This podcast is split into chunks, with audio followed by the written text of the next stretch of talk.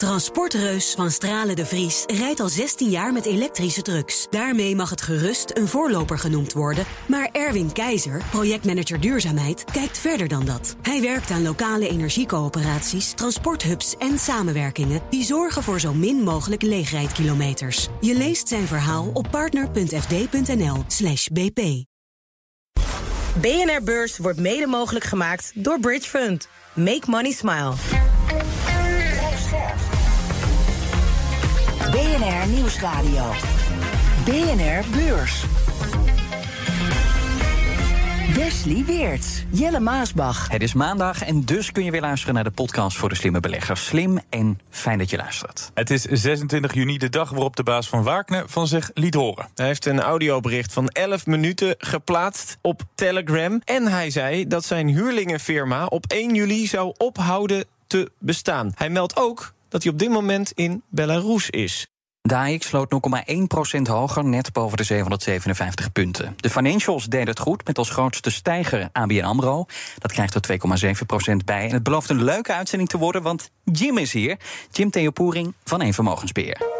We hebben het zo meteen over Tesla. De ene na de andere laat het aandeel vallen. Je hoort zo wat de reden is en natuurlijk uh, wat Jim ervan vindt. Nou, dat dus straks. Maar wat zag jij nog meer, Jelle? Ik las een uh, bericht over een beurs in het buitenland. Dat uh, vond ik om meerdere redenen opvallend. En dan niet de Deense beurs, het land waar ik mijn vakantie vierde. Oh, dat moet je toch nog even noemen, hè? Jazeker. Maar de beurs van Moskou. Het bericht was, er wordt vandaag gewoon weer gehandeld op de Moskou Exchange. Ondanks die mislukte koepoging van afgelopen weekend. Dat is opvallend, maar ook opvallend vond ik dat er sowieso nog gehandeld wordt op die uh, beurs. Jazeker, omdat daar natuurlijk oorlog is. Precies, de inwoners van Moskou die kregen vandaag van de burgemeester een vrije dag. Maar de beurs is dus open, de hoofdindex, maar ook de Russische midcap. Daar wordt allemaal op gehandeld. Mm -hmm. En de banken die zijn ook open, want de centrale bank wil dat de financiële markten goed blijven functioneren. Nou, ik uh, keek nog even naar die, uh, naar die index. Sinds het hoogste punt, dat was in 2021, is de beurs 35% gedaald. Valt nog wel mee het verlies, want het gekke is, de laatste maanden is die beurs juist aan een opmars bezig. Ja, Jim, snap jij die mensen die de afgelopen maanden Russische aandelen hebben gekocht? Ik uh, vond het een beetje gek. Ja, ik uh, snap dat wel. Uh, en het heeft er enerzijds ook mee te maken dat die markt eigenlijk niet meer toegankelijk is voor westerse beleggers. Nee. Uh, veel banken hebben natuurlijk uh, Rusland afgesloten, maar de economie die draait daar natuurlijk wel door. En dat betekent eigenlijk dat er ook mensen zijn die zeggen: ja, ik, ik kan daar misschien wel tegen een aantrekkelijke waardering nu Russische aandelen kopen. Ja, kijk, ik vind op het moment dat je zegt we staan achter Oekraïne en we boycotten Rusland, dan moet je dat niet doen. Maar ja, geld kruipt waar het niet gaan kan natuurlijk. Ik zag nog uh, wat anders gek, en dat sluit, geks, en dat sluit ook wel aan op jouw verhaal, Jelle. Uh, en dat is namelijk dat defensiebedrijven een behoorlijk dramatische dag achter de rug hebben. Want ja, hoe cru ook normaal gesproken is het, hoe hoger de spanningen, hoe hoger de beurskoers van die bedrijven. Ja. Maar nu is dat helemaal niet zo. Want makers van tanks, onderzeeërs, raketsystemen, drones. Ik heb die bedrijven vandaag een beetje in de gaten zitten houden. En allemaal daalden ze op de beurs, zelfs met meerdere procenten. En dat matcht toch niet ja, met mijn onderbuikgevoel. Want nee, ik dacht, ja, die stijgen. Waarom doen die aandelen het zo slecht vandaag? Jim? Op het moment dat een oorlog uh, ten einde zou kunnen komen, is dat natuurlijk niet gunstig voor dit soort uh, leveranciers van wapentuig. Uh, overigens ook helemaal niet goed voor de Nederlandse economie natuurlijk. Want uh, we, natuurlijk zijn we een heel heilig boontje. Maar wij zijn een van de grootste leveranciers op uh, defensievlak. Um, en ja, we hebben ook een aantal grote wapenfabrikanten. Die heten tegenwoordig natuurlijk anders. Want die maken bijvoorbeeld radarapparatuur. hebben hier binnen de landsgrenzen gevestigd. Het aantal zijn overgenomen ook een paar jaar terug door Franse partijen. Eén ding moeten we niet vergeten. Dat dit soort wapenfabrikanten die beursgenoteerd zijn. Die hebben het de afgelopen jaren natuurlijk wel ontzettend goed gedaan. Ja, ik uh, blijf nog even in de Russische aandelen. Reuters had een uh, verhaal over vermiste aandelen. Deutsche Bank geeft namelijk toe aan klanten dat ze een deel van de aandelen in Rusland kwijt zijn. Hoe dan? Nou, via Deutsche kocht je aandelen. De Duitsers werkt op hun beurt dan weer met een uh, Russische partij. Maar in een verklaring zegt Deutsche nu dat ze niet meer de volledige toegang tot die aandelen hebben. Het is de eerste bank overigens die meldt dat ze Russische aandelen van klanten kwijt zijn. Gaat bijvoorbeeld om de stukken van nationale luchtvaartmaatschappij, Aeroflot, maar ook om een groot bouwbedrijf en een mijnbouwer. Nou, om hoeveel aandelen het gaat, hoeveel geld en van wie, dat is onbekend. Maar volgens persbureau Reuters zijn er veel buitenlandse spelers die uh, Russische aandelen hebben en dus ze mogelijk ook kwijt zijn. Nou, genoeg uh, over Rusland. Want ik zag nog wat anders. De grootste vastgoeddeal in jaren is in de maak. Een grote Canadese vastgoedbelegger wil namelijk in één keer maar liefst 7000 Nederlandse huurwoningen te koop zetten. En daarover schrijven de collega's van het FD.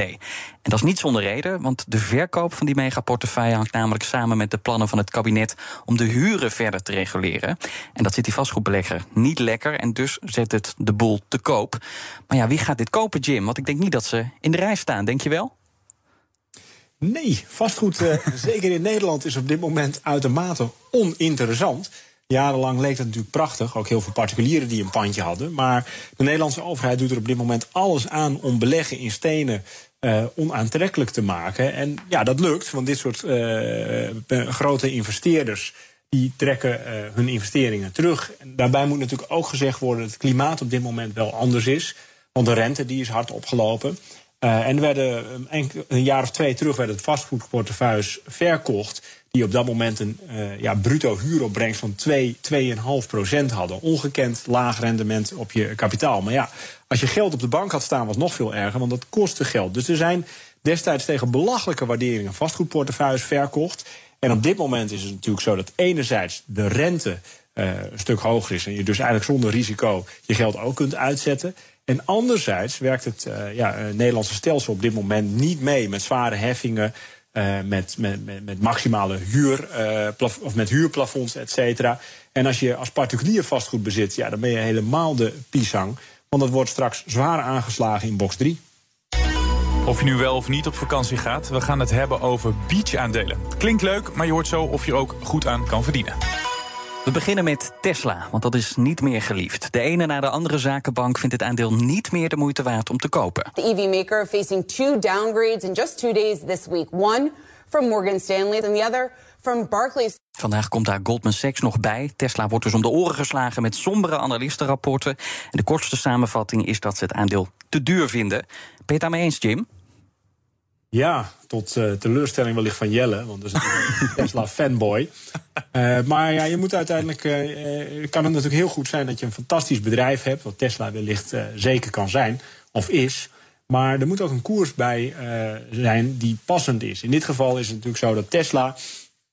Dat verliest vandaag overigens ook een kleine 5%. Maar is sinds begin van het jaar meer dan verdubbeld.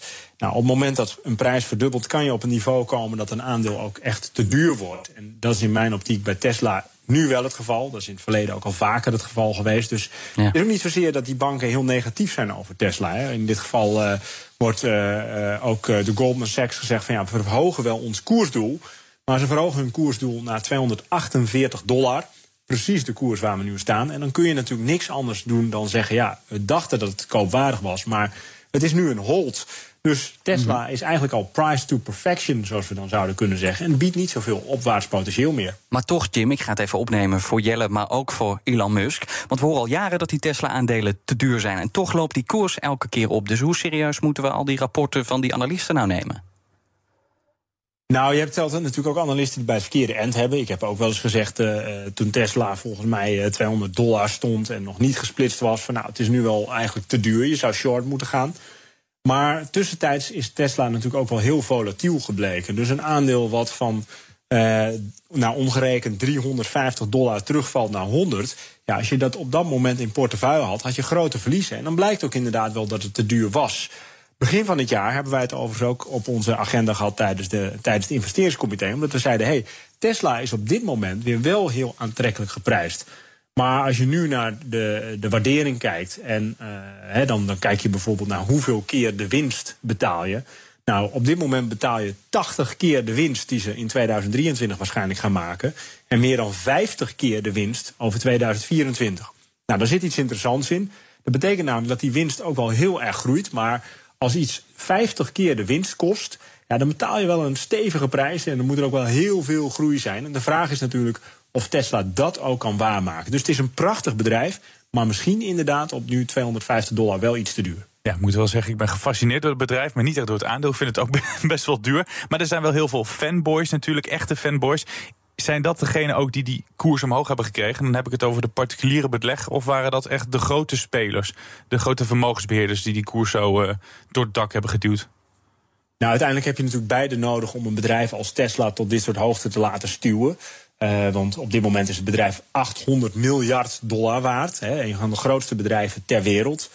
Um, wat wel zo is, is dat Tesla wel echt ook uh, voor een groot deel in handen is, voor een groter deel dan de meeste bedrijven, in handen van retailbeleggers. Dus er zijn zat mensen die hebben en de Tesla en de aandelen. Ja, dan kun je je afvragen in hoeverre is dat nog rationeel. En in die zin ga ik gewoon mee met de analist van uh, Goldman Sachs, die zegt van ja. Uh, op dit moment is dit aandeel, uh, ja, zoals wij dan noemen, price to perfection. Mm -hmm. Dus alles, als alles goed gaat, dan is die 250 dollar echt wel gerechtvaardigd. Maar op dit moment zit er meer risico in dan upside. Maar toch, als we naar die voordelen kijken, ze hebben wel iets bijzonders voor elkaar gekregen. Andere autobouwers, Absoluut. Ford, uh, General Motors, die gebruiken in Amerika de laadstekker van Tesla. Uh, hoe belangrijke inkomstenbron wordt dat voor het bedrijf? Nou, daar haal je wel een heel goed punt aan. Hè, want het is niet alleen maar meer uh, de auto's van Tesla die waardevol zijn. Hè. Ze zijn ook bezig met zonnepanelen onder andere. -huh. Maar je krijgt wel een steeds grotere uh, uh, ja, een groep die afhankelijk is van Tesla. Dus ook andere autobedrijven. Want ze hebben dan eigenlijk een soort eigen systeem. Hè, dat noemen ze de uh, North American Charging Standards. Ja, die wordt ook toegepast door veel meer andere autobouwers. En die zeggen dus eigenlijk, wij gaan de laatste systemen van Tesla gebruiken. En die stekker, om het maar even plat te zeggen. Ja, wat moet Tesla doen om die enorme waarde wel te rechtvaardigen? Nou, doorgaan met de groei die ze de afgelopen jaren hebben laten zien. En uh, het is natuurlijk ongekend dat 15 jaar geleden, toen was Tesla een soort van gek sportautootje. Maar met de komst van Model S, en ik weet niet exact wanneer dat was, maar volgens mij een jaar of tien terug hebben ze echt de markt voor elektrisch rijden opengebroken. Want niemand was nog in staat om een actieradius te overleggen van 400, 500 kilometer. Nee. Het waren auto's die echt revolutionair waren. En, en ze hebben een ongekend groot marktaandeel verworven. Dus dat is ontzettend knap. Daarbij moet ook gezegd worden dat ze wel de wind in de rug hadden met subsidies voor elektrificatie, hè, verduurzaming, vergroening. Ja. Dus op basis van subsidies heeft Tesla echt een boost gekregen, maar ze hebben ook op die markt ingespeeld. Um, ja, wat alleen nu natuurlijk wel zo is, is dat andere autobouwers die zien dat ze op achterstand zijn gezet, proberen een inhaalslag te maken. En er komt meer concurrentie op de markt. En dat is ook de reden dat de koers wel echt is afgestraft, want ze zijn nog lang niet terug bij die all-time high. Um, en dat heeft ermee te maken dat er dus uh, natuurlijk wel best wel prijsdruk in de markt is geweest. Ze hebben herhaaldelijk de prijzen fors moeten verlagen om uiteindelijk maar marktaandeel te behouden of te kunnen winnen. En ja, als je prijzen verlaagt, dan ben je bereid om marge op te geven. En dat vinden beleggers weer niet leuk. Maar jouw vraag van ja, wat moeten ze doen, is vooral doorgaan met wat ze deden. En dat is heel hard groeien en marktaandeel winnen. En, en, en ook ja, nog een overname doen misschien? Kan er meer bij. Nou, een overname, ja, zit dat er nog in? Kijk, uh, je kunt altijd overnemen, maar uh, daar betaal je vaak ook een prijs voor. En als Tesla gaat overnemen, dan moeten ze ook echt een grote partij gaan overnemen. Of uh, bijvoorbeeld een Chinese autobouwer of een Japanse, om in die markt meer te kunnen winnen. Dus je betaalt veel. Wat Tesla vooral heeft laten zien, is dat ze heel erg goed in staat zijn geweest om op eigen kracht uh, alles te bereiken. Met bouwen van fabrieken, met het veroveren van marktaandeel, met innovaties. En dat is natuurlijk ook wel waarom Tesla heel anders wordt gewaardeerd dan andere autobouwers. Want als je het vergelijkt met BMW of Volkswagen, dan is Tesla inderdaad schreeuwend duur en lijken die andere autobouwers koopjes. Maar dat is dat de in tien jaar tijd een ongekende groei is geweest. En dat ja, uit zich in deze hoge aandelenprijs. We blijven nog even in de auto's en de samenwerkingen. Aston Martin, een heel ander soort model, steeg meer dan 10% op de beurs. Het gaat namelijk elektrische motoren en accu's gebruiken van autofabrikant Lucid. En dat is bijzonder. Het is voor het eerst dat Lucid zijn technologie verkoopt aan een andere autofabrikant. En dat Aston Martin nu dus echt elektrische auto's gaat maken. Ja, en dan denk je gelijk, wie profiteert het meeste van deze deal, Jim? Is dat Aston of, of Lucid? Nou, vandaag vooral de aandeelhouder. uh, die kan 10% bijplussen. Um, uiteindelijk denk ik dat het voor Lucid interessanter is, want die krijgen direct een waarde van 232 miljoen in handen en een belang van bijna 4% in Aston Martin. Nou, als ik het even mag koppelen overigens aan het verhaal wat we net hadden over mm. Tesla. Als je dan aan mij vraagt, wat heb je liever, Tesla of Aston Martin? En dan heb ik het over de aandelen, want qua auto weet ik het wel. Maar dan zijn het absoluut die aandelen Tesla. En waarom? Tesla is in staat gebleken om vanuit investering en verliesmakend uh, echt, echt goede winsten te laten zien. Ze hebben ook een netto kaspositie, dus ze zijn schuldenvrij en daarmee echt een hele stabiele onderneming. 23 miljard hebben ze op de balans staan. Als je dan kijkt naar Aston Martin, dan is dat eigenlijk een heel dramatisch verhaal. Um, ze, ze, boeken jaar in jaar uit verlies. Ze hebben een grote schuldpositie. De aandelenkoers presteert dramatisch. Dus Aston Martin moet wat. Ze moeten al jaren wat. Het lukt niet. Nou, nu zien ze ook wel dat ze de stap moeten maken naar elektrisch rijden. 2026 komen de eerste modellen op de markt. Maar ze hebben die technologie helemaal niet in huis. Dus ze moeten nu eigenlijk bij andere partijen, zoals Lucid, maar ook bij Mercedes-Benz, onderdelen en technologie gaan inkopen om die stap naar elektrificatie te kunnen maken. Dus ja, Aston Martin, prachtig inderdaad eh, qua auto en historie. Maar qua belegging is dat wel een groot drama gebleken, in tegenstelling tot Tesla. BNR Beurs. Wall Street dan, weinig optimisme. De Dow Jones staat vlak. De S&P 500, uh, uh, daar gaat 0,3% vanaf. En de Nasdaq staat bijna een procent lager. Ik schrik ervan, hè? Ik schrik ervan. Nou ja, het valt mee, de koersuitslagen. En ja, het is verder toch wel de dag van de analistenrapporten. We hadden het net al eh, over Tesla natuurlijk. Daar trokken die eh, negatieve rapporten de afgelopen dagen de beurskoers omlaag. En datzelfde dat zie je nu gebeuren bij Alphabet. Daar gaat 2,6% vanaf naar een downgrade van UBS. En Moderna, daar gebeurt het tegenovergestelde. Dat aandeel gaat omhoog, omdat die analisten van UBS juist een positief rapport eh, hebben. Dat aandeel dat krijgt er 2,6% bij. BNR Beurs. Ja, van de handelsvloer naar een iets rustigere locatie. En je hoort het al aan dit rustgevende muziekje. We gaan naar onze zomerserie. En het thema van deze week, beach-aandelen. Oftewel aandelen van bedrijven uit de reis- en toerismebranche... en de vrije tijdsector met vandaag de bookingplatformen. Het zijn eh, zeg maar reisbureaus, maar dan digitaal. Denk aan booking.com, Expedia, Airbnb. Maar welke ben ik uh, vergeten eigenlijk, Jim? Of zijn dat ze? Ja, ben je er een vergeten? Misschien uh, Trip.com, maar dat is wat meer een, ja. een reisbureau. -huh. Maar ook wel degelijk met een, uh, een, een, aantal platformen waarop je meer kunt boeken dan alleen het reisje zelf. Uh -huh. het is een Aziatische partij. En het is een moeilijke. Ben je er nou echt een vergeten? Nou, dat ik er maar drie kan opnoemen, dat zegt natuurlijk wel wat. Want volgens mij is het een markt waar er maar een paar spelers zijn. En, en je moet groot zijn om te overleven. Ja, en dat maakt ook wel dat bijvoorbeeld een booking zo'n goede uh, waardering heeft. Um, en je haalt meteen iets heel interessants aan, want je, je, je appte vanmiddag ook, of in dit geval Wesley eigenlijk, van ja, wat zijn nou hier de risico's en wat, wat maakt het interessant? Nou, het hele moeilijke in deze uh, markt is, want dan hebben we het eigenlijk over leisure en over airliners, kom je uiteindelijk natuurlijk op uit, uh, is dat er een zwaar bevochten markt is, mm -hmm. waar heel veel concurrentie is, waar hele dunne marges zijn die ook nog seizoensafhankelijk is. Zeer cyclisch. Nou, wat bedoelen we daarmee? Op het moment dat het economisch tegenzint, is het eerste wat de consument niet doet, is op reis gaan.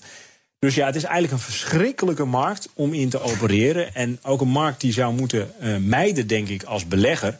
En als je daar dan wat wil doen, ga vooral niet kijken naar de airliners. Want dat is natuurlijk, een, uh, die zou hier niet mogen ontbreken.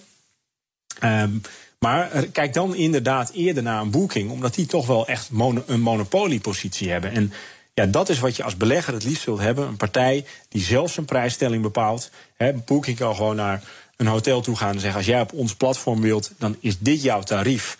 En wil je naar een ander, veel succes. Want wij zijn de grootste en je gaat ons nodig hebben. Mm -hmm. Dus Booking is wat dat er gaat wel echt een vreemde eend in de bijt... Uh, met die monopolistische uh, marktpositie. Ja, want ik hoor jou een hele koffer vol aan risico's opnoemen. Ja. Maar als we... Uh, koffer vol, leuke koffer vol. Ja, ja, thanks. Soms ben ik grappig. Als we Booking.com dan als voorbeeld nemen... wat is het positieve daaraan? Los van dat zij dus een enorme marktpositie hebben?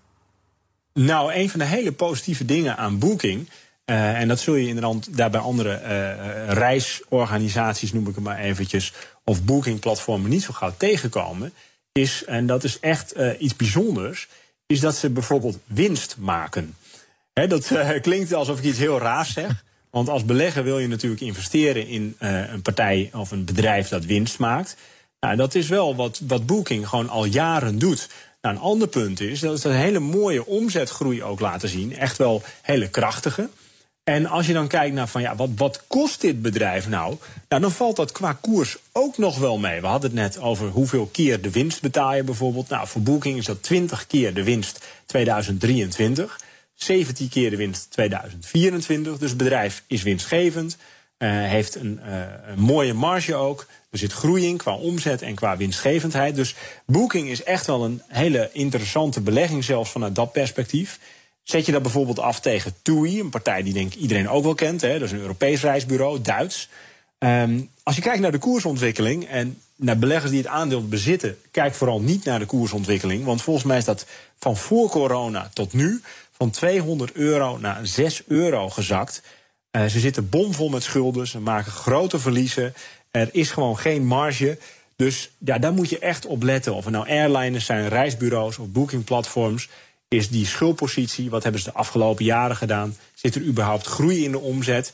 Ja, ik, ik ben heel huiverig met dit soort beleggingen. En daar ben ik ook wel blij dat je begint met Booking. Omdat dat ja, wel echt de positieve uh, vreemde eend in de bijt is. Nou, laten we dan ook afsluiten nog met de Booking en de concurrenten. Want we zagen die reisbureaus, die verdwenen op een gegeven moment uit het uh, straatbeeld. Maar wat is de grootste bedreiging voor dit soort boekingsplatformen? Nou, ik denk regulering. En dat zag je, dat, dat zie je natuurlijk vaak voorkomen. We hadden het net al even over die Canadese vastgoedbelegger die uh, de Nederlandse portefeuille, die portefeuille gaat verkopen. wat we nog niet hebben genoemd is Airbnb. En die kregen er op een gegeven moment echt last van dat ze gewoon geweerd werden uit, uit steden. Omdat mensen last kregen van de toeristen. Neem bijvoorbeeld Amsterdam. Eerst was het vrij verhuren voor particulieren. Die konden 365 dagen per jaar hun appartementje verhuren en zelf nou ja, bij wijze van spreken bij een vriend gaan slapen. En op die manier een extra inkomstenbron aanboren. Daar is op een gegeven moment gezegd van ja, je mag een maximaal aantal dagen per jaar mag je nog maar je huis verzuren. En daarna is het commerciële verhuur. Dus regulering, dat is op een gegeven moment het uh, risico bij, bij dit soort monopolisten, want daar hebben we het dan over, gaat ontstaan. Dit was uh, de dag van vandaag. Gaan we kijken wat er morgen gebeurt. En dat hoor je van collega Danielle Kastelmans. Het is de dag waarop Proces met jaarcijfers komt. Het bedrijf dat onder andere belangen heeft in de Chinese internetreus Tencent... heeft sinds een aantal jaar een AEX-notering. En Proces kampt al een hele tijd met een groot probleem. Het voelt zich ondergewaardeerd door beleggers. Oftewel, tel je alle bezittingen bij elkaar op... dan is dat veel meer waard dan Proces zelf. En nu moet Proces met de cijfers bewijzen dat het inderdaad meer waard is. Voor ik jou ga bedanken, Jim. Waar ga jij de komende tijd nog even heel kort uh, op letten? Op welk aandeel of uh, welke gebeurtenis? Nou, ik wist niet uh, dat deze aankondiging zou komen. Maar we hebben met één vermogensbeheer zijn we ook van mening dat Proces zwaar ondergewaardeerd is. dus we hebben daar positie in. Dus ondanks dat er weinig bedrijfscijfers zijn, kijken we wel zeker rijkhalsend uit naar Proces. Groot aandeelhouder van Tencent, hè, ja? de Japanse techreus, de Chinese techreus, excuus. En daarnaast is er niet zo heel veel bedrijfsnieuws. En wat voor mij het allerbelangrijkste is, eigenlijk, uh, ja, wat gaat de inflatie in de eurozone doen? En daar komen vrijdagcijfers over. En dat bepaalt uiteindelijk weer het beleid van de ECB. Dankjewel, Jim Terpoering van Even Mogenspeer. Dankjewel dat uh, je zoveel leuke wijsheden en, uh, en vakantieweetjes uh, hebt gedeeld met ons. En jij bedankt voor het luisteren. Wij zijn morgen weer, hè? Met nog veel meer aandelen. Tot morgen. Morgen. BNR Beurs wordt mede mogelijk gemaakt door Bridge Fund. Make money smile. Transportreus van Stralen de Vries rijdt al 16 jaar met elektrische trucks. Daarmee mag het gerust een voorloper genoemd worden. Maar Erwin Keizer, projectmanager duurzaamheid, kijkt verder dan dat. Hij werkt aan lokale energiecoöperaties, transporthubs en samenwerkingen die zorgen voor zo min mogelijk leegrijdkilometers. Je leest zijn verhaal op partner.fd.nl/bp.